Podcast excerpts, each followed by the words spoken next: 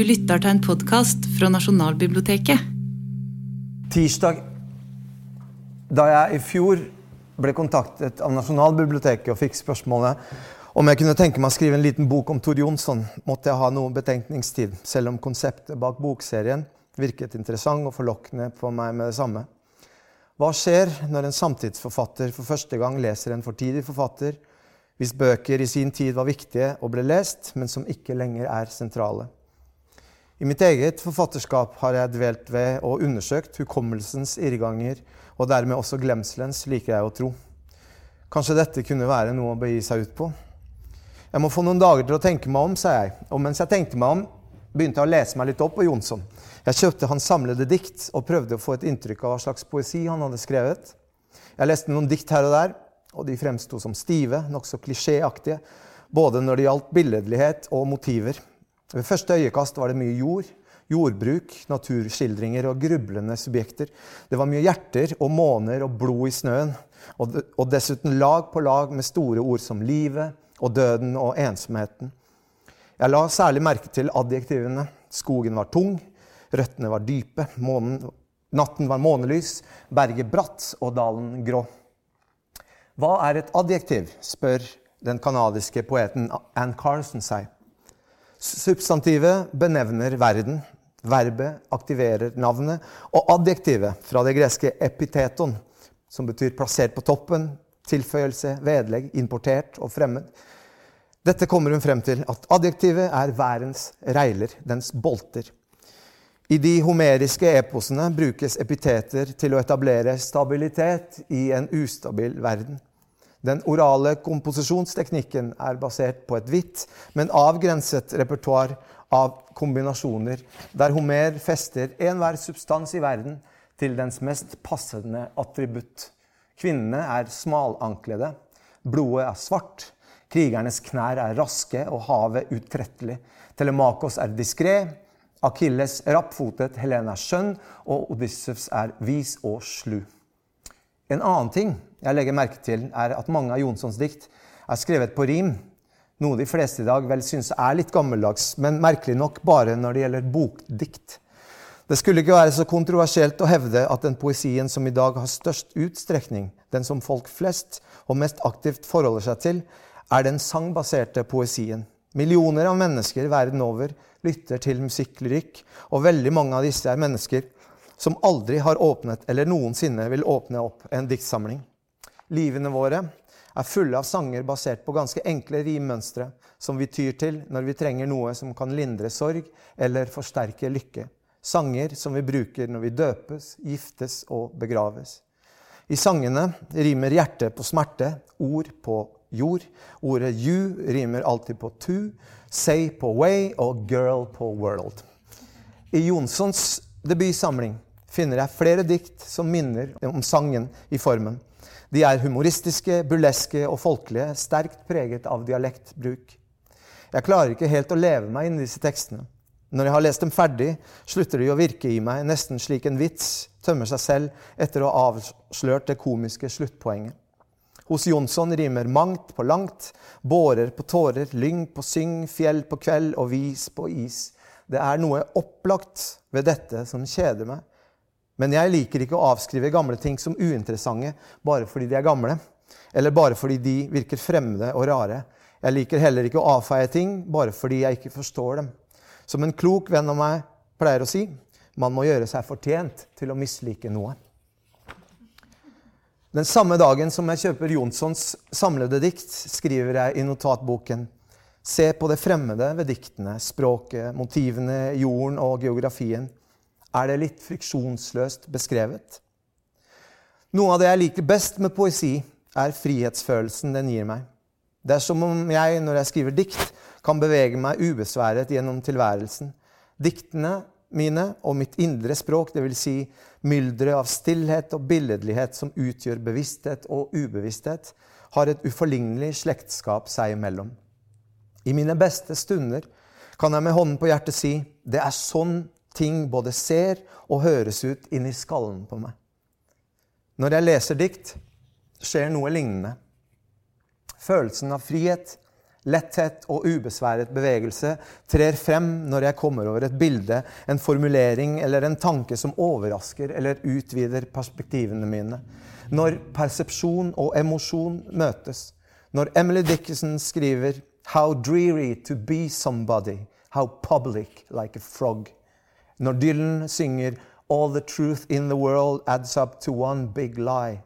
Når William Faulkner beskriver støvet som skorpete, eller når James Joyce både nikker ærbødig mot og lekende latterliggjør bruken av epiteter i Ulysses, der han skriver om det snørrgrønne havet. Dickinson lenker sammen den kjedelige, slitsomme følelsen av å være et individ, noen, med det latterlige, froskeaktige ved offentlighetens evinnelige kvekk, kvekk, kvekk. Dylan, Dylans paradoks er kynisk og sårt, trist og resignert på, en, på samme gang. Faulkners adjektiv, skorpete, er både briljant og overraskende, fremmet på en måte som lander i gjenkjennelsen. Sier, det sier noe om hvor tørt og ufruktbart landskapet er, og vi må selv tenke oss til hva goldhet kan bety. Bart, nakent, uttørket, steril, dødt. En skorpe er jo blod som har sluttet å bevege seg. Og til slutt Joyce, som sammenligner det grønne havet med snørr og viser seg klok nok til ikke å skrive seg opp mot Odysseen med ærefrykt og underdanighet, men med lekenheten til en begeistret, fri og briljant frekk drittunge. Jeg forstår at dette ikke er helt rettferdig å bedømme Tor Jonssons dikt etter å ha lest noen få sider, og i alle fall ikke når jeg venner meg til denne firkløveren for å gjøre rede for hvordan jeg begeistres, og av hva.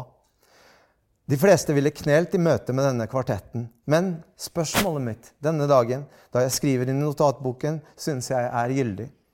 Er det derfor Jonssons bruk av adjektiver oppleves som automatisert, fordi ordene han velger, i større grad bekrefter enn å fremmedgjøre, overraske eller åpenbare? Er det slik jeg mener når jeg noterer ned ordet friksjonsløst? Kanskje en undersøkelse av det modernistiske honnørordet friksjon kan kaste lys over mine blindsoner i møte med diktene. Jeg går meg en lang tur med Blixa, hunden min. Jeg vet at jeg kan samtale med ham om sånne ting, for han er et klokt vesen. Og mens vi går i skogen og oppover fjellsiden, spør han meg om det kanskje dreier seg om presisjon heller enn motstand Livet er riktignok overfylt av detaljer, men litteraturen lærer oss å skjelne og legge merke til ting. Kritikeren James Wood kaller detaljene for et halskjede av oppmerksomheter, forteller Blix av meg. Så jeg fortsetter å lese. Her er diktet Ordet, det aller første i Jonssons debutsamling 'Mogning i mørket' fra 1943.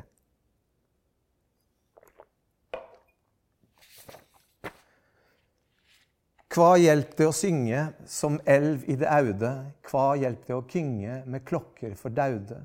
Hva hjelp det å skapa all vennleik i verda, når ordet lyt tapa for svolten og sværa? Slik undrast vi og spør vi i motløse stunder, men hugse det bør vi, eit ord er et under. Dei glømmest, dei gjeve, og alt det dei gjorde, men livet er eve, og evig er ordet. Etter å ha lest diktet noen ganger kom jeg frem til at det ikke i og for seg var rimene jeg hadde mest problemer med. Nei, faktisk syns jeg de to første strofene fungerer strålende pga. rimbruken. Likevel var det den resignerte tonen i diktet som grep meg mest. Hva hjelpte å synge som elv i det øde? Hva hjelpte å kynge med klokker for døde? Her er det som om dikteren sier dette livet, det er det ikke mye vits i, altså. Det er et nokså blekt livssyn Svarene på diktets spørsmål er gitte. Det er ingen hjelp i å synge eller ringe. Men det er noe vakkert her også, i similen 'synge som en elv i det øde'. Den viser frem menneskets ensomhet, dets utsatthet, et vesen etterlatt av sin Gud i, i et øde og tomt landskap. Jonsson viser oss også dets meningsløse bevegelighet og omskiftelighet. Det er jo ingen vits i dette formålsløse, men likevel synger mennesker. Likevel renner elven. Sang er lik bevegelse, er lik liv. Jeg syns diktet fungerer best når det holder seg tett på denne avmaktsfølelsen, når det uttaler sine spørsmål uten for mye patos og skaper interessante bilder. Hva hjelper det å skape skjønnhet, sies det i andre strofe, når ordet taper for sult og sverd? Ordet er det som skiller ørkenreligionene fra andre kosmologiske konstruksjoner. Ingenting finnes før ørkenguden har sagt noe og brutt stillheten. Det er språket som skaper virkelighet. Jorden var øde og tom. Mørket lå over dypet, og Guds ånd svevde over vannet. Da sa Gud, det skal bli lys, og det ble lys. Hos Jonsson brukes ordet lyden, som er slukes. Hos Jonsson slukes ordet lyden, som er skapelsen. Og det slukes av andre typer lydlighet. Av sultens tynne hvesing og av sverdens eller voldens mutte hugg.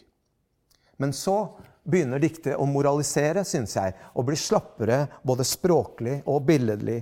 Slik undras vi, spør vi i motløse stunder, men hukse det bør vi, eit ord er et under. Ja, jo, mennesket undrer over sin egen eksistens. Og det er jo ikke slik at stunder ikke kan være motløse, det vet alle som har levd. Men det er like fullt en klisjé, tenker jeg. Og de to siste linjene i strofen irriterer meg. De minner meg om sånne shabby chic-tavler med visdomsord hengt opp på kjøkkenet til en eller annen bokløs familie med hangt i hverdagsfloskler. Jeg er ikke uenig i at et ord er eller kan være et under. Eller i at det er noe underlig og mysteriøst og uendelig komplekst som åpenbarer seg når man bruker språket til å både betegne virkeligheter og uvirkeligheter. Jeg vil bare ha sagt det på en litt skarpere måte.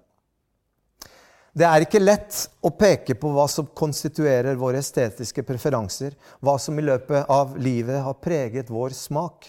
Av og til prøver jeg å identifisere en forkjærlighets utgangspunkt.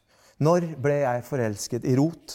Hvilken sang med for mye romklang var den første jeg elsket? Tell All the truth, but tell it slant, skrev Emily Dickinson på midten av 1800-tallet. Og da jeg først skjønte hva ordet slant betydde, skråstilt eller skeivt, så var det som om linjen kom til meg som en venn, en som forsto meg. Noen år senere, 'Slanted and Enchanted', er California-bandet Pavements debut fra 1992. Platetittelen skapte nærhet mellom det skråstilte og det fortryllede men i like stor grad bekreftet den tanker som i meg var uartikulerte, matte og dulte. Ordet 'enchanted' stammer fra det latinske 'incantare', i sanglighet, og alluderer ikke bare til magiske formular formularer, men også til sanger og kor. Og hva er en sang om ikke en form for skråstilt tale? Hva er en sanger om ikke en som taler skeivt og fortrylla? Og hva er en poet om ikke en sanger? Kanskje er det ikke skarpere jeg mener når jeg kjeder meg litt under lesningen av Tor Jonssons dikt og etterlyser noe annet. Kanskje jeg mener skeivere, skakkere. Kanskje er Tor Jonssons dikt hakket for streite. Men hva med sannheten, og ikke bare hvordan man behandler den? Da jeg var ung, kjøpte jeg en, plak en sånn plakett med Arnulf Øverlands hustavledikt til min mor i julegave, tror jeg det var. I alle år hang den på kjøkkenet i huset der jeg vokste opp. Og da foreldrene mine flyttet, tok de Øverland med seg, og nå henger hans livs visdom på et kjøkken på andre siden av jordkloden. Når slektninger kommer innom, spør de gjerne foreldrene mine om hva dette er for noe, hva det betyr. Og mamma og pappa simultanoversetter, mens tanter og onkler nikker og enes om at han derre gamle nordmannen, ja, han var jommen meg en klok fyr, altså. Fine ting han sier om livet. Sanne ting. Jeg har også tenkt på filmen 'Tilsammans', som svenske Lukas Moodysson laget på begynnelsen av 2000-tallet. I den finnes en vittig scene. En kvinne har gått lei av et vanskelig ekteskap og bestemmer seg for å forlate mannen. I all hast flytter hun til broren sin, som lever i et progressivt kollektiv, der beboerne er politisk korrekte på en komisk måte. Ja, for på 90-tallet kunne man enkelt latterliggjøre 70-tallets rigide politiske spillerom og holdninger. I kollektivet leses det progressiv litteratur, man hører på avansert frijazz, sverger til frisex og radikale former for barneoppdragelse. Man beundrer Mao og Pol Pot, forakter Pinochet, Nixon, Kissinger og det som skjer i Vietnam. Kvinnen som har forlatt sin mann, skjønner vi, har levd et ganske vanlig borgerlig liv. Og den kvelden hun kommer til brorens kollektiv, tar både han og de andre beboerne henne solidarisk imot. De trøster henne så godt de kan, selv om de åpenbart syns kjærlighetssorgen hennes er både borgerlig og konvensjonell. Det er patriarkatets skyld, sier en av beboerne og setter på ei plate med jazzbråkebøtta Ornette Coleman. Det hyler og tuter fra stereoanlegget, og etter en stund spør kvinnen om ikke hun kan få lov til å sette på litt musikk. Selvfølgelig, sier de andre, og sangen hun setter på, er Love Hurts, den evige svisken i puddelrockbandet Nazarets patosfylte versjon. De progressive reagerer sterkt. Love hurts, love scars, love wounds and marks. Dette er jo bare skit. Klissete og banalt. Jo, jo, sier kvinnen, det kan så være, men det er sant. I møte med Jonssons siste strofe blir jeg forvandla til de karikerte radisene hos Moodysson. De glemmes, de gjeve og alt det de gjorde, men livet er evig, og evig er ordet. Nja, jeg vet nå ikke, jeg, tenker jeg. Jeg liker de to første linjene, de med glemselen, men de to siste, er det ikke dette et poetisk bilde som oppløser seg ved berøring? Det vil si at det låter fint, at det ser ut til å være fullt av mening, men når man går det etter i sømmene, så viser det seg å være kvasifilosofisk ornamentikk. Alle glemmes, står det, men livet og ordet er evige størrelser. Noe som for så vidt er sant, all den tid individets død ikke virker inn på livet som konsept, kan man si, og heller ikke ordet, dvs. Si skapelsen, som ikke er en motsetning til døden, men en inngangsportal til det transformative og uendelige. Akkurat som døden. Det er jo sant. Likevel slår strofen meg som så generell at den nesten ikke betyr noen ting. Det har gått et par dager siden jeg fikk telefonen. Jeg har fordypet meg i ett dikt og går nå rundt i de tomme bergensgatene og tenker på en masse greier frem og tilbake. Gud og ørkenen, stillheten, sult og sverd og huset der jeg vokste opp på Tårnåsen, foreldrene mine og filmer jeg så for 20 år siden, bandet Nasaret og sannhetens verdi.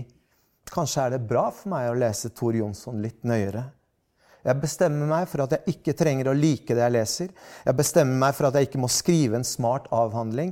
Jeg bestemmer meg for å dokumentere et sammenstøt mellom to skrivende, et krasj på tvers av tiden. Så, når telefonen ringer for å spørre om jeg har fått tenkt meg om, svarer jeg, svarer jeg ja. Ja. Torsdag. Da jeg var barn, pleide faren min å gi meg lekebiler av merket Matchbox i gave. Og heller enn å ville leke med dem på vanlig vis, foretrakk jeg å la dem krasje i hverandre med stor hastighet, plassere dem i dørsprekker før jeg smalt igjen dørene, eller kaste dem mot asfalten fra vinduet mitt i andre etasje. Etterpå studerte jeg nøye de fascinerende forvandlingene. Jeg så på bulkene på panseret, kikket på de vrengte hjulene, den oppripa lakken, dørene som hadde forsvunnet under sengen, eller den knuste frontruten.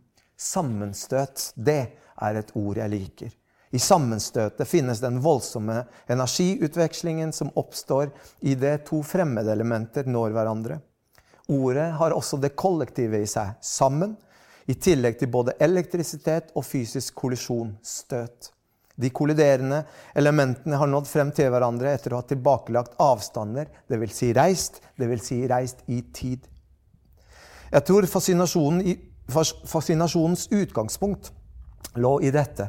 Etter kollisjonen blir noe nytt dannet. Jeg ble begeistret av å oppdage og observere de markante forandringene, ødeleggelsen, de radikale forvrengningene. Ja, rett og slett bilrestene, bruddstykkene og de løsrevne bestanddelene som nå utgjorde nye konstellasjoner. Mitt barnerom ble en gravplass for bulka biler, avskalla lakk og bøyde aksler, skalla gummihjul og avrevne dører. Jeg tenker på tid, på sammenstøtet som en type samtale på tvers av tiden. Tor Jonsson og jeg. To mennesker som har skrivingen til felles. Skrivingen som livsnødvendig behov. Et behov for et dobbeltliv, for introspeksjon og refleksjon, som betyr speil, gjenskinn og forvrengning. For å få oversikt over Tor Jonssons liv leser jeg Ingar Sletten Kolloens biografi fra 1999. Den starter med en beskrivelse av Jonssons selvmord og beveger seg baklengs inn i livet. Boken er full av hendelsesbeskrivelser, anekdoter, datoer, navn på slekt, venner, kollegaer. Den er kunnskapsrik, mettet av fakta, og vi får et godt innblikk i hovedpersonens liv og virke via de mange kildene som ofte siteres, og skaper et levende bilde, som det gjerne heter. Men underveis i lesningen blir jeg rastløs og utålmodig. Jeg skynder meg gjennom boken som om lesningen var et pliktløp. Jeg foretrekker nok et sprekere, mer litterært språk enn Kolloen bruker, men det kan jeg jo ikke klandre bokens tema for, tenker jeg. Jeg vet jo at det ikke er her jeg kommer til å finne det jeg leter etter. Men jeg holder ut. Jeg vil uansett bare skaffe meg en god biografisk oversikt, slik at jeg kan gå videre og lese Jonssons dikt, essays og de journalistiske, journalistiske tekstene jeg har bestemt meg for å konsentrere arbeidet om. Fredag. Den franske forfatteren Edouard Levé skriver at selvmord produserer en merkelig inversjon av et menneskes biografi der alle ens handlinger plutselig blir lest baklengs gjennom det siste øyeblikkets linse, så å si. I notatboken skriver jeg 'selvmordet som egenrådig trassig', 'selvmordet som ensomhetens vennligste fjes'. I en parentes står også to andre navn. Den argentinske poeten Alejandra Pizarnik og den franske filosofen Simone Weil. Hvorfor det bare er disse to som får plass, det vet jeg ikke. Jeg har skrevet om dem begge, men jeg har også skrevet dikt om Virginia Woolf, om Alfonsina Storni. Jeg har vært opptatt av Jean Ameries tekster om resentiment og uforsonlighet, av Walter Benjamins myldrete kopiositet, av Paul Celans kamp for å klare å åpne munnen, av Sarah Kanes nydelige grusomheter, av Marilyn Monroes fascinerende, motsetningsfylte vesen, av min elskede Violetta Parras kjærlighet og raseri. Og når jeg først begynner å ramse opp navn på denne måten, slår det meg hvor lang listen kan bli.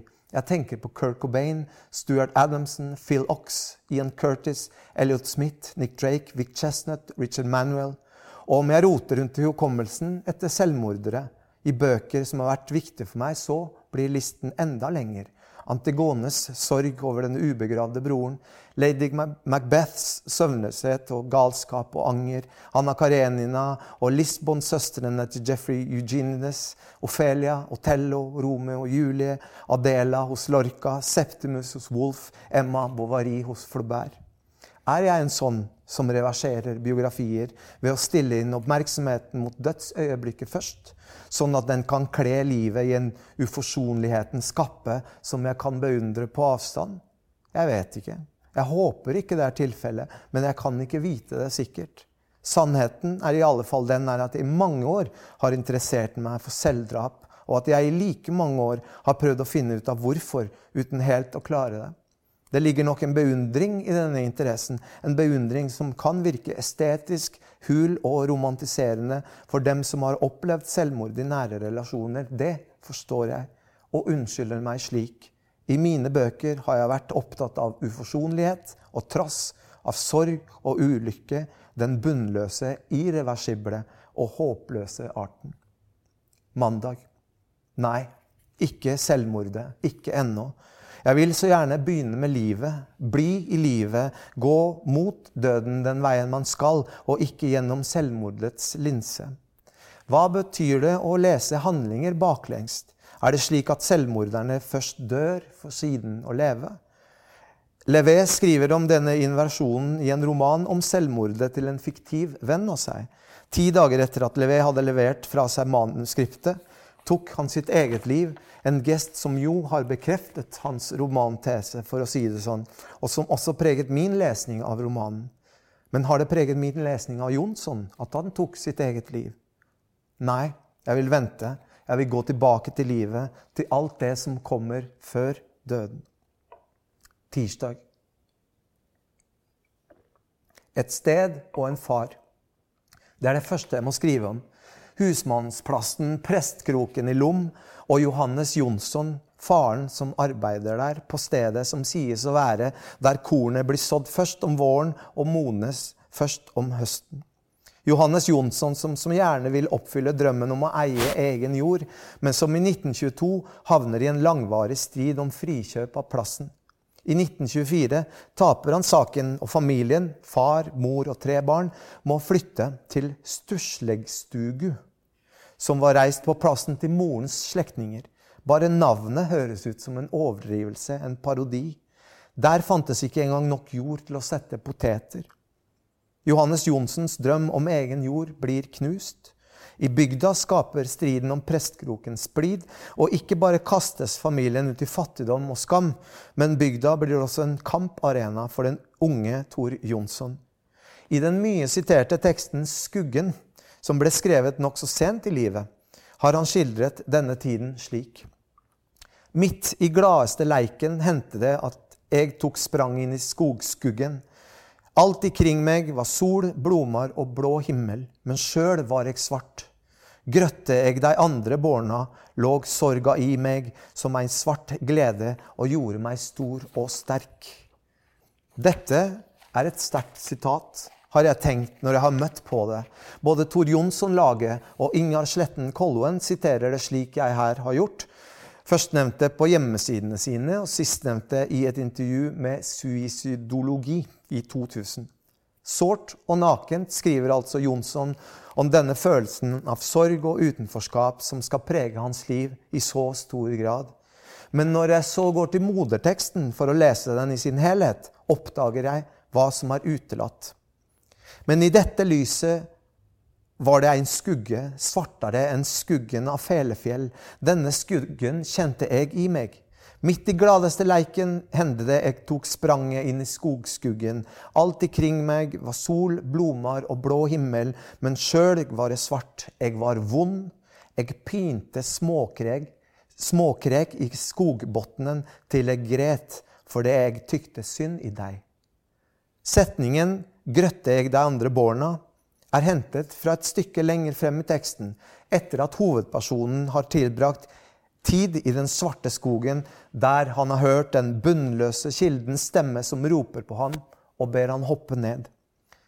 Der sitter jeg og ser den herlige sorgen over min egen død, før han omsider hopper og siden blir reddet av faren. Videre ødelegger han en gave han har kjøpt til moren, og blir skuffet da han viser fram en fin øks, skatten min, kaller han den, til en kamerat som mener den bare er skrap. Alt jeg åtte, det blei til skrap i hendene hans. Følgelig blir alt jeget tar i, også til skrap. Det siste først. Det er en sterk forbindelse mellom det Jonsson besitter, eier, tenker og erfarer, og de andres blikk på det. Ødeleggelsen er essensiell i skrivingen hans, i den forstand at den stadig brukes som et skjold. Alt, han går alltid ett skritt lenger enn sine opponenter. Ingen kan ødelegge det vi selv har rasert. Ingen kan ta fra meg det jeg allerede har tatt fra meg selv. Det er en merkelig form for selvomsorg. Sorgen ligger i ham som en svart glede, en glede som gjør ham stor og sterk. Sorgen er altså en premissleverandør for vekst og kraft. Jeg synes det er påfallende at torturen av småkrypene i skogen flere steder er sakset bort fra sitatet. Er det fordi man i stor grad ønsker å fremstille Tor Jonssons mørke skrift som trassig, hard, men tross alt uproblematisk, først og fremst melankolsk og innadvendt? Å plage levende vesener er i beste fall problematisk. Å påføre andre lidelse for å kunne synes synd på dem, for gjennom deres lidelse å kunne få utløp for sin egen, ja, det er mildt sagt mørkt. For ordens skyld, jeg er klar over at det ikke er noe én-til-én-forhold mellom den som skriver, og den det skrives om. Men all den tid så mye av Jonsson-lesningen bærer preg av å, selv, av å være, biografisk basert, syns jeg det er på sin plass å nevne denne utelatelsen. Skuggen er en tekst som nokså typisk er bygget opp rundt motsetningspar, der mørket er farlig og truende, og lyset er fint og befriende. Denne hangen til dikotomier og kontraster går igjen i mye av det Jonsson skrev. Men når man spør meg, og det har man jo gjort, så er det, så er det de utelatte setningene som gir dette tekstutdraget en ekstra dimensjon av ubehag, men også av kompleksitet.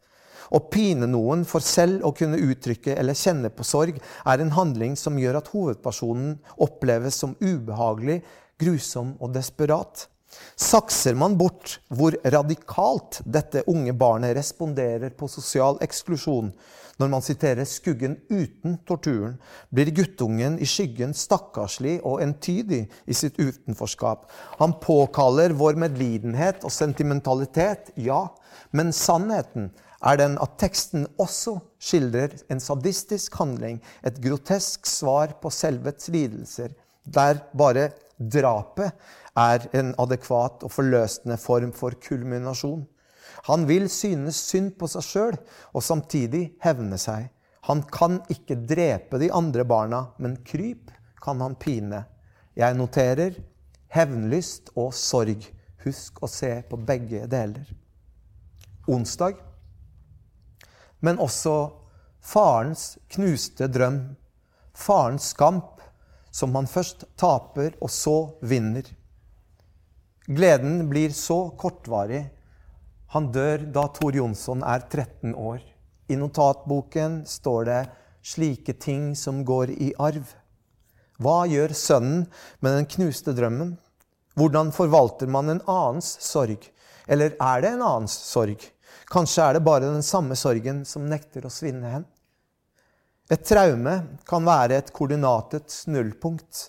Barndommens verden er i Jonssons tilfelle en verden av skam og fattigdom og dømmende blikk. Både traume og melankolien har dette til felles. Et da er stedet der allting står stille og urørt. Der finnes ikke plass til forvitring, men heller ikke til forandring. Fredag. Tor Jonsson begynner på Framhaldsskolen i 1930, og omtrent samtidig begynner han å skrive. I 1932 debuterer han i Arbeidermagasinet. Han er 16 år. Teksten 'Eit ildmenne' handler om fattiggutten Harald, som vokser opp på Vollestad, gården til gjerrigknarken Rike-Jon og kona hans. Vollestad-tullingen blir han kalt. Han blir mobbet og gjort narr av, slått og hånet. En dag får han nok dreper Rike-Jon og stikker til skogs, mens hele bygda leter etter drapsmannen. På slutten av novellen drukner han seg i et tjern svartkjørning. Dette er den aller første teksten av mange der Tor Jonsson skriver om selvmord. Og jeg merker at det er vanskelig ikke å se etter slike spor i forfatterskapet, all den tid det er så mange av dem. Den litt skjematiske måten å konstruere tekster på, der det gode er lyst og det mørke er vondt og eller farlig, er nokså typisk også for hvordan Jonsson forvalter sin klasseforakt. En slags fa farsarv som i likhet med sorgen gir ham svart glede og gjør ham sterk. De fattige og stakkarslige guttene i novellene er ofte skildret med en omsorg som grenser til selvmedlidenhet, mens skurkene er karakteristiske i sine maktposisjoner og velstand. Denne hangen til å bruke kontraster er ikke bare et litterært, estetisk basert valg, men den preger også Jonssons verdensanskuelse, hans blikk på eksistensen slik den kommer til uttrykk i skriften hans. Barndommens merke er de tunge tankene hos den voksne. Han er merket som Kain. Arv er ikke bare noe man pliktskyldig sleper med seg, enten man vil eller ei. Ja, arven er for Jonsson en bør, men tross alt en karakterdannende og definerende bør. Klassehatet er noe av det Jonsson blir mest berømmet for i ettertid. I introduksjonen til prosautvalget blant bygdedyr og vestkantkrokodiller skriver Kolloen at Jonsson er den ny største nynorske, nynorske essayisten siden Vinje og Garborg at han regnes som en av våre skarpeste bygdesosiologer, på tross av at han citat, på ingen måte er en nyansert forsker. Hans artikler roses for å ha et hardt, konfronterende og kompromissløst blikk på makthierarkier. Jeg møter stadig på ord som sprengkraft, høyeksplosiv, ukuelig. Men Kolloen skriver også at Jonsson er helt monoman i temavalgene. I tekstene får kristenfolket, prestene og storbøndene gjennomgå. Bygdedyrets vesen eksponeres nådeløst, konsekvent i utakt, som det står. Mellom 1944 og 1950 skriver Jonsson om lag 30 artikler i diverse aviser, hovedsakelig om vrangsidene i bonde- og bygdesamfunnet, men løfter også frem bygdas orale kultur, spøken, hastigheten i skjemten og hvordan den muntlige tradisjonen formidles fra generasjon til generasjon. Han er for modernisering og forbedring av kår, innlagt vann, bedre hygiene, elektrisitet, sunnere mat, men det som hindrer fremskritt, etter hans mening, av Bygde-Norges aristokratiske ettersyn. Bygdesamfunnet produserer tragiske figurer fulle av fattigdomsskam og uforløst raseri. Og Jonsson han er sint, rasende, konfronterende, så vel i skrift som i livet, på tross av at han fra ung alder også viser seg å være sosialt passiv og generelt utilpass rundt mennesker om monomanien og raseriet i journalistikken og prosaen bekrefter velkjente fiendebilder, der det er plass til Jonsson selv som forfulgt og plaget, kan diktene kanskje i større grad kaste lys over noen av disse vrangsidenes sårere punkter, nærme seg dilemmaene med større åpenhet og mindre skråsikkerhet. Søndag. Kjærlighetslengselen finnes overalt i diktene. I diktet 'Einsemda' fra debuten kan vi lese dette å stå aleine midt i ei vær så grenselaust rik, er som å leve livet i lag med sitt eige lik. Det er en sterk strofe, foruroligende og kompleks.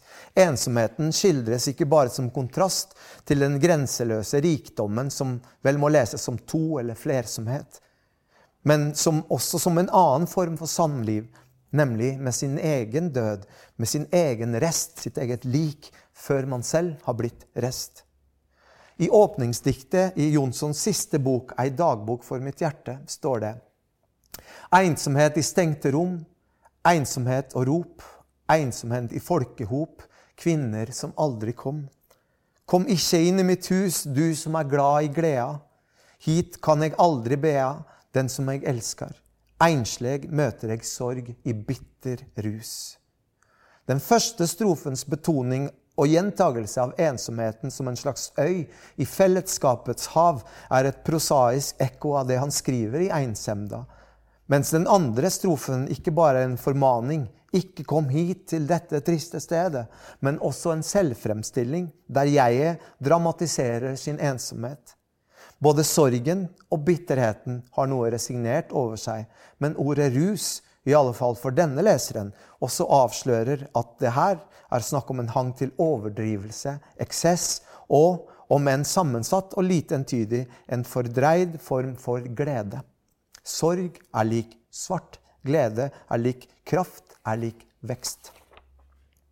Et av de siste diktene Tor Jonsson skrev, 'Eg åtte ikkje kjærleik', som først ble publisert 24 år etter dikterens død, da Inger Heiberg redigerte andre bind av Jonssons tekster i samling, er også et av de beste, syns jeg, uten helt å vite i hvilken grad det er forfatterens selvmord som gir det en så sterk glans.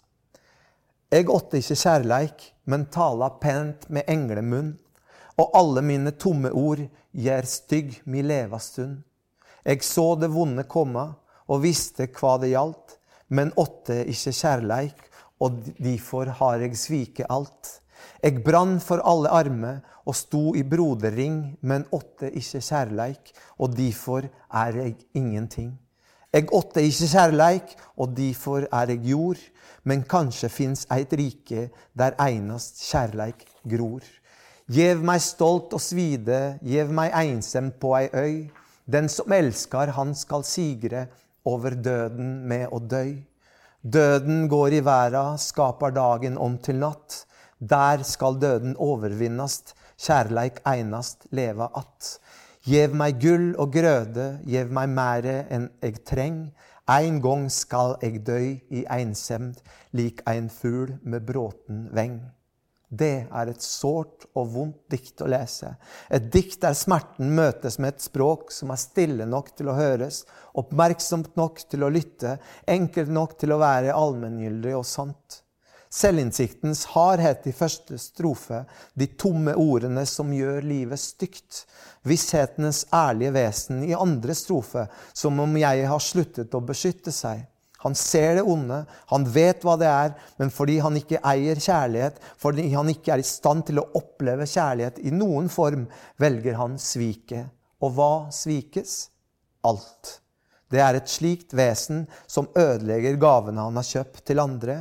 Det er et slikt vesen som ødelegger sine skatter, og deretter kaller alt han tar i, for skrap, som en slags omvendt eller forvrengt kong Midas. Det er kan hende et slikt vesen som må torturere og se andre lide for å kunne akseptere sin egen smerte, ja, som selv i en så drøy og grusom gest søker fellesskap. Det slår meg at jeg alltid opplever Jonsson som banal og flosklete når han skal være positiv. Lys, som han selv ville sagt. Når han skriver om et rike der kjærligheten bor. Etter å ha latt døden gå i verden, mens den skaper dagen om til natt, sier diktet at det bare er der, i natten, i det vonde, i fraværet, at døden overvinnes. Man må kjempe og vinne over døden på dødens egen slagmark. Så ødelegger han strofens fine kompleksitet og klare tanken med sistelinjen 'Kjærleik einast leva att'. Heldigvis har vi den siste fine strofen, som kan leses slik. Bare kast all den lykke og rikdommen du vil på meg. Men min trass, min ulykke, min ensomhet og dødslengsel er større enn alt. Jeg vinner over livet ved å dø. Har jeg kommet til selvmordet nå? Mandag. Det går noen dager. Jeg prøver å tenke og lese og finne ut hvorfor Tor Jonssons liv og skrift fyller meg med ubehag. Det er ikke selvdrapet. Jeg ombestemmer meg. Jeg må tilbake og ta en avstikker, gjenta meg selv. Jeg har nevnt Alejandra Pizarnik og Simone Weil, som riktignok ikke er en klassisk selvmorder, slik heller ikke Jesus er det. Begge er disse jødiske kvinner som var sterkt preget av andre verdenskrig og holocaust. Pizarnik som barn av en nesten utslettet polsk-russisk familie, og Wei som eksilant og aktivist. Begge dør relativt unge. Wei sulter seg i hjel på et sanatorium i Ashford i England i 1943. Hun er 34 år gammel, like gammel som Tor Jonsson da han tar sitt eget liv. Pizarnik tar en overdose sovepiller, som Jonsson, i leiligheten moren har kjøpt til henne i Buenos Aires. Hun blir funnet med en dokke på fanget og et kryptisk siste dikt skrevet, skrevet på en grønn tavle. Året er 1972. Pizarnik blir 36 år gammel. Fornektelse, tilbaketrekning og forsvinning. Det er, det, disse temaene, det er disse temaene som er felles for dem begge, selv om de på alle andre måter er milevis unna hverandre. Pizarnik var nevrotisk, selvopptatt, livsudugelig, ubrukelig. Slik ble hun karakterisert av sine nærmeste. En kvinne som ikke klarte å utføre selv de enkleste livsoppgaver. Hun kunne ikke lage mat, gå på butikken, kjøpe klær eller tjene egne penger. Og følgelig var hun hele livet økonomisk og personlig avhengig av venner, familie og kolleger. Alt som ikke hadde med poesi å gjøre, angikk henne ikke. Men denne livsudugeligheten får en fortryllende konsekvens i Skriften. Pizarnik er så besatt av poesi, av skriving og lesing og litteratur at hun i diktene ikke nøyer seg med å være sitt eget navn. I diktene forvandles hun til den splintrende skrivende. Pizarniks frigjøring fra det verdslige via poesien er et ønske om å ofre selve til arbeidet, slik at jeget forsvinner fra verden og bare finnes i diktene som poetisk presens. Fordobla, synkron og forvandlet. Livet må for Pizarnik bli et dikt. Alt er poesi. Det er en bevegelse fra det virkelige til det skriftlige. En romantisk forestilling der skaperen kan oppløses i verket. Slik forsøkte hun å nulle ut avstanden mellom den som skriver, og det som blir skrevet. Simone Weil på sin side kan også kalles livsudugelig, men hennes udugelighet har et annet, mindre opptatt, selvopptatt fortegn enn hos den argentinske poeten. Et av nøkkelbegrepene hos Weil er oppmerksomhet, definert som en tilstand av konsentrasjon som i sin høyeste form er det samme som bønn, en handling som forutsetter ro, tro, oppofrelse og kjærlighet. Sannheten, det gode, Gud, må være uforstyrret av vår tilstedeværelse, av vårt begjær, av våre forventninger om tosomhet. Den begjærsløse anstrengelsen som ikke er knyttet til et objekt, er for Simone Weil den eneste måten å nærme seg det absolutte på, og krever en radikal tilbaketrekning, en utnulling av selve. Det Wei kaller for et 'jeg', må passifiseres, for det intellektuelle arbeidet handler om å trene oppmerksomheten til å bli så fullkommen at egoet viskes ut og forblir fraværende, på samme måte som Gud avstår fra å gripe inn i verden. Simone Wei leter dermed ikke etter Gud. Hun blir funnet av Gud. Og om Gud tillater henne å eksistere utenfor seg selv, er det da også hennes rett å gi avkall på privilegiet, som en slags kulminasjon av den frie viljen, den ultimate frihetshandlingen, å si fra seg sannheten, som Jesus. I notatboken skriver jeg men hvordan henger dette sammen med Tor Jonssons forfatterskap? Mulig svar det som ligner. Det trassige, kompromissløse. Alle sammen er de sta vesener som går under. Men hva mer? Kanskje det har noe med stillheten å gjøre. Stumhet, ensomhet, tilbaketrekning. Er selvmordene en forlengelse av skrivingens og tenkningens stillheter? Jeg leter videre. Mesteparten av livet bodde Tor Jonsson på Stuslestugu sammen med moren og den ugifte søsteren. De bodde på ett rom og kjøkken med sovealkove. Det var først da moren døde i 1950 at Jonsson flyttet til Oslo, der han selv døde året etter. Jeg prøver å se for meg Tore den langtidssyke, tilbaketrukne moren som Tor Jonsson aldri klarer å flytte fra.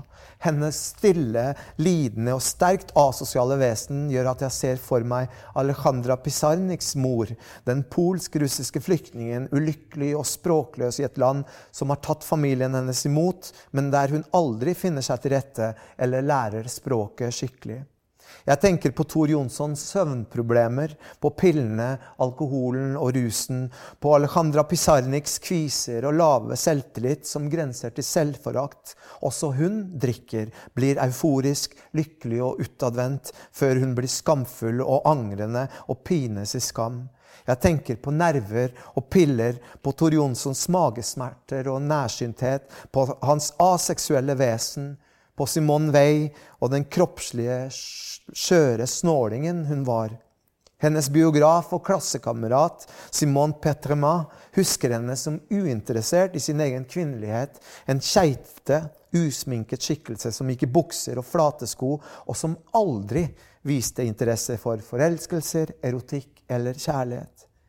Kanskje er det her disse tre for meg skaper en konstellasjon av felles, kompromissløs, ukuelig, men også sørgelig og ensom tilbaketrekning. I notatboken skriver jeg Men hvorfor må jeg alltid tenke i og gjennom ekkoer? Onsdag. Det går noen dager. Jeg leser og tenker og noterer. Fortidens skikkelser svever rundt i leiligheten, alltid gamle og bysteaktige. Det hviler en støvete og autoritær aura over de døde. Et alvor og en tyngde vi som levende ikke har tilgang på. Men Jonsson, må vi huske, i likhet med Wei og Pisarnik, er nokså ung da han dør. Og det vil si at han er enda yngre mens han lever. Han er sta og furten. Han klager stadig på at han blir lite lest i bygda, lite lest i byen. Han får aldri nok ros, og når han får det, reagerer han med å være insolent og frekk. Han tjener penger, men er stadig blakk. Han beskjeftiger seg stadig med posisjonen han hele livet sørger for å ivareta, som utstøtt, som uønsket, som kontrær. Han drikker seg full og fornærmer hvem det skal være. Biograf Collins repertoar av karakteristikker er rikt. Jonsson har et mildt sagt skiftende humør. Han er sær, mutt, tverr, lat, rotete, glemsk, men også aggressiv, ubehagelig og blotta for diplomatiske evner. Om farsarven, klassehatet og fattigdomsskammen gir ham et slags martyrkompleks, og martyrer er jo også på sett og vis selvmordere, så er også morens sang til isolasjon sterkt til stede i ham. Han gjør seg utilgjengelig, det er det passiv-aggressive menneskets måte å takke, takle konflikt på, men også dets foretrukne form når det skal straffe. Jonssons umodne, kontrære vesen minner meg om den typen mennesker som skylder på alle andre enn seg selv når de skal forklare hvorfor livet har blitt slik det har blitt. Det koster å være klok. Ja, det koster å bli klok, tenker jeg. For det krever at vi har en dialog med oss selv som er ubehagelig. Men bare slik kan vi avdekke blindsoner og få øye på ting vi helst ikke vil vedkjenne oss. Det er kampen det kloke mennesket tar. Hen står ansikt til ansikt med sine handlingers konsekvenser, klar til samtale. I notatboken skriver jeg men jeg vil ikke at teksten skal bli en dom. Torsdag. For noen dager siden var jeg på et møte der også professor i nordisk litteratur Eirik Vassenden befant seg. Det viste seg at han også har skrevet om Tor Jonsson, og etter at møtet var ferdig, tok vi følge et stykke gjennom den halvtomme byen. Han hadde også gått til Kolloens biografi da han jobbet med sin tekst. En biografi han mente bar preg av å være et slags detektivarbeid, der biografen leter etter et svar på en gåte. Svaret skal ligge skjult i tekstene, og det levde livet og gåten er selvfølgelig selvmordet. Leves inversjon. Rett før vi skiltes, snakket vi om den frustrerte poetens seksualitet, hans etter all sannsynlighet impotens, hans katastrofale, livslange problem med intimitet og nærhet, men også hans evne til stadig å anstrenge seg for å få bekreftet sin egen mislykkethet. Han var kanskje det i dag hadde kalt en incel, sa Eirik før han gikk. Kolloen skriver Dikteren fra Lom har lengta seg sjuk etter kvinner i nesten 20 år, men han har aldri fått deg. Han er redd deg, han forstår deg ikke. De ler av han og syns han er rar og lite pen å se på. Derfor har han lært seg å holde på å holde seg i skinnet når kvinner er til stades. Men aleine med pennen og papiret tør han ause ut av seg både lengselen etter deg og angsten for deg, ei angst som kan nærme seg kvinnehat. Så går han videre til å sitere fra teksten 'Vårbrev fra kyrkjegarden'. På grava mi skal det vekse nesler, en vakker bukett av vondskaps, vondskapsfulle nesler. Vinden skal strø frøa mine lenger og lenger ut. Jeg skal gro opp som hamp og lage helvete av hver en hage. Jeg skal gjøyme meg blant blomar og svi mjuke kvinnehender. Jeg skal tøye meg og sprøyte eld i kneet på unge jenter. Jeg husker ei jente når dotterdottera Heinar Rer seg ei brudeseng i hagen jonsoknatta, skal eg brenne henne. Å, jeg skal brenne henne med gift fra mitt råtne hjerte. Du skal få svi, jente, min eld er død kjærleik. På slutten av livet hadde Tor Jonsson et forhold, riktignok veldig problematisk, til journalisten Ruth Alfsen, og Kolloen går langt i å påstå at det Jonsson skildrer i diktene og prosafragmentene fra slutten av livet, ikke kan være noe annet enn sine egne opplevelser av forholdet til Alfsen. Kolloen siterer dette diktet, som ble redigert bort da forlaget etter selvmordet ga ut diktsamlingen Ei dagbok for mitt hjerte. Kjære faen, steik alle kvinner i ei helvetes kvitaste brann for alle dei bråtne voners skuld, for lykka eg aldri fann. Brenn ut sviket, brenn deg i tusen år. Om vi nå dveler litt til ved disse åpenbart ubehagelige tekstene, kan vi ta med dette diktet også, som faktisk forble upublisert inntil Kolloen gjorde oss oppmerksomme på det i 1999. I natt vil eg valta en kvinne fordi eg aldri var glad. I natt vil jeg grøte ei jente og røyne om gleda er til. Satan i mine lender, nå vil jeg høyra din lyst og gripe med blodute hender kringom eit kvinnebryst. Incel er et akronym for Involuntary Celibate og betegner en gruppe ufrivillige seksuelt avholdende menn som føler seg avvist fra fysisk og emosjonell kontakt med kvinner. Avvisningen blir ofte oppfattet som strukturell. Det skyldes ofte på feminisme, vaginalstat, venstresiden, pride etc. Og for mennene betyr det i praksis at kroppslig intimitet, ikke betalt, betalt seksualitet, samliv, barn og avkom utelukkes. Incel-subkulturen på internett er ofte forbundet med misogyni og konspirasjonsteorier, bl.a. på anonyme plattformer som Reddit og 4chan. Det er selvfølgelig ikke et poeng i seg selv å kalle Tor Jonsson en incel, eller å ty til samtidens begreper for å lyssette hans fortidige vesen, men at han definitivt bærer noen av de samme karakteristikkene som mange av, ungen, av dagens frustrerte menn, er ikke til å komme unna. Jonssons misere er i siste instans også villet. Han verken kan eller ønsker å unnslippe denne ubarmhjertige skjebnen, så han skaper seg en identitet av den i stedet. Slik kan ulykken bli tålbar, i alle fall en stund. Slik kan Skriften oppstå, men også den er nødt til å forholde seg til fattigdom, skam, sosial utilpasshet og i alle betydninger av ordet impotens. Og her ligner han vår samtidsfigurer. Han er bitter, sint og frustrert. I egne øyne blir han ikke sett eller lyttet til. Han får ingen kvinner. Han får ikke nok anerkjennelse. Ingenting hjelper, ikke engang suksess, lesere eller penger. Det er alltid noe som mangler, og det som mangler, er kjærligheten. Lørdag. Konsekvensen av dette kjærlighetsfattige livet er en skrift som søker trøst i det sikre, i det definitive, i motsetninger og kontraster, som gjør det mulig å begripe verden, alt det som kjærligheten ikke er og ikke kan være. Jonsson virker mer opptatt av å bekrefte enn av å undersøke. Han syns å gå i dekning i det vonde, det vrange og det vanskelige. Nå Helt på tampen av dette arbeidet slår det meg at et menneske som ikke eier kjærlighet, verken noe han får ta del i, eller noe han har i seg, må finne dette livet merkelig, ufattelig og uoversiktlig. Kjærligheten er kompleks. Den kan romme motsetninger, paradokser. Den kan være gåtefull, uforståelig, matt og sky som et mytisk koksvesen. Kjærligheten gjør at vi nærmer oss andre, og i samme åndedrag oss selv. Den hjelper oss å tilgi oss selv og andre og akseptere de ufullkomne vesenene vi til enhver tid er.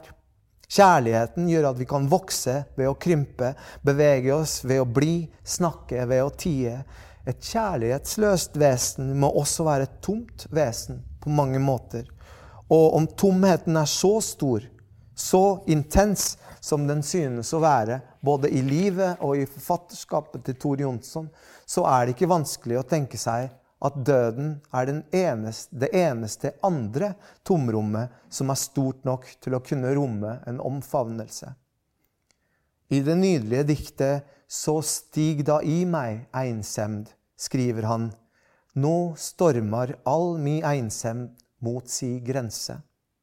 Og det er i slike stunder når Tor Jonsson språkliggjør ensomheten, fraværet av samhold, samvær og intimitet med både kraft og presisjon, at diktene hans vedvarer, at de igjen og igjen bryter ut i mening og tanke.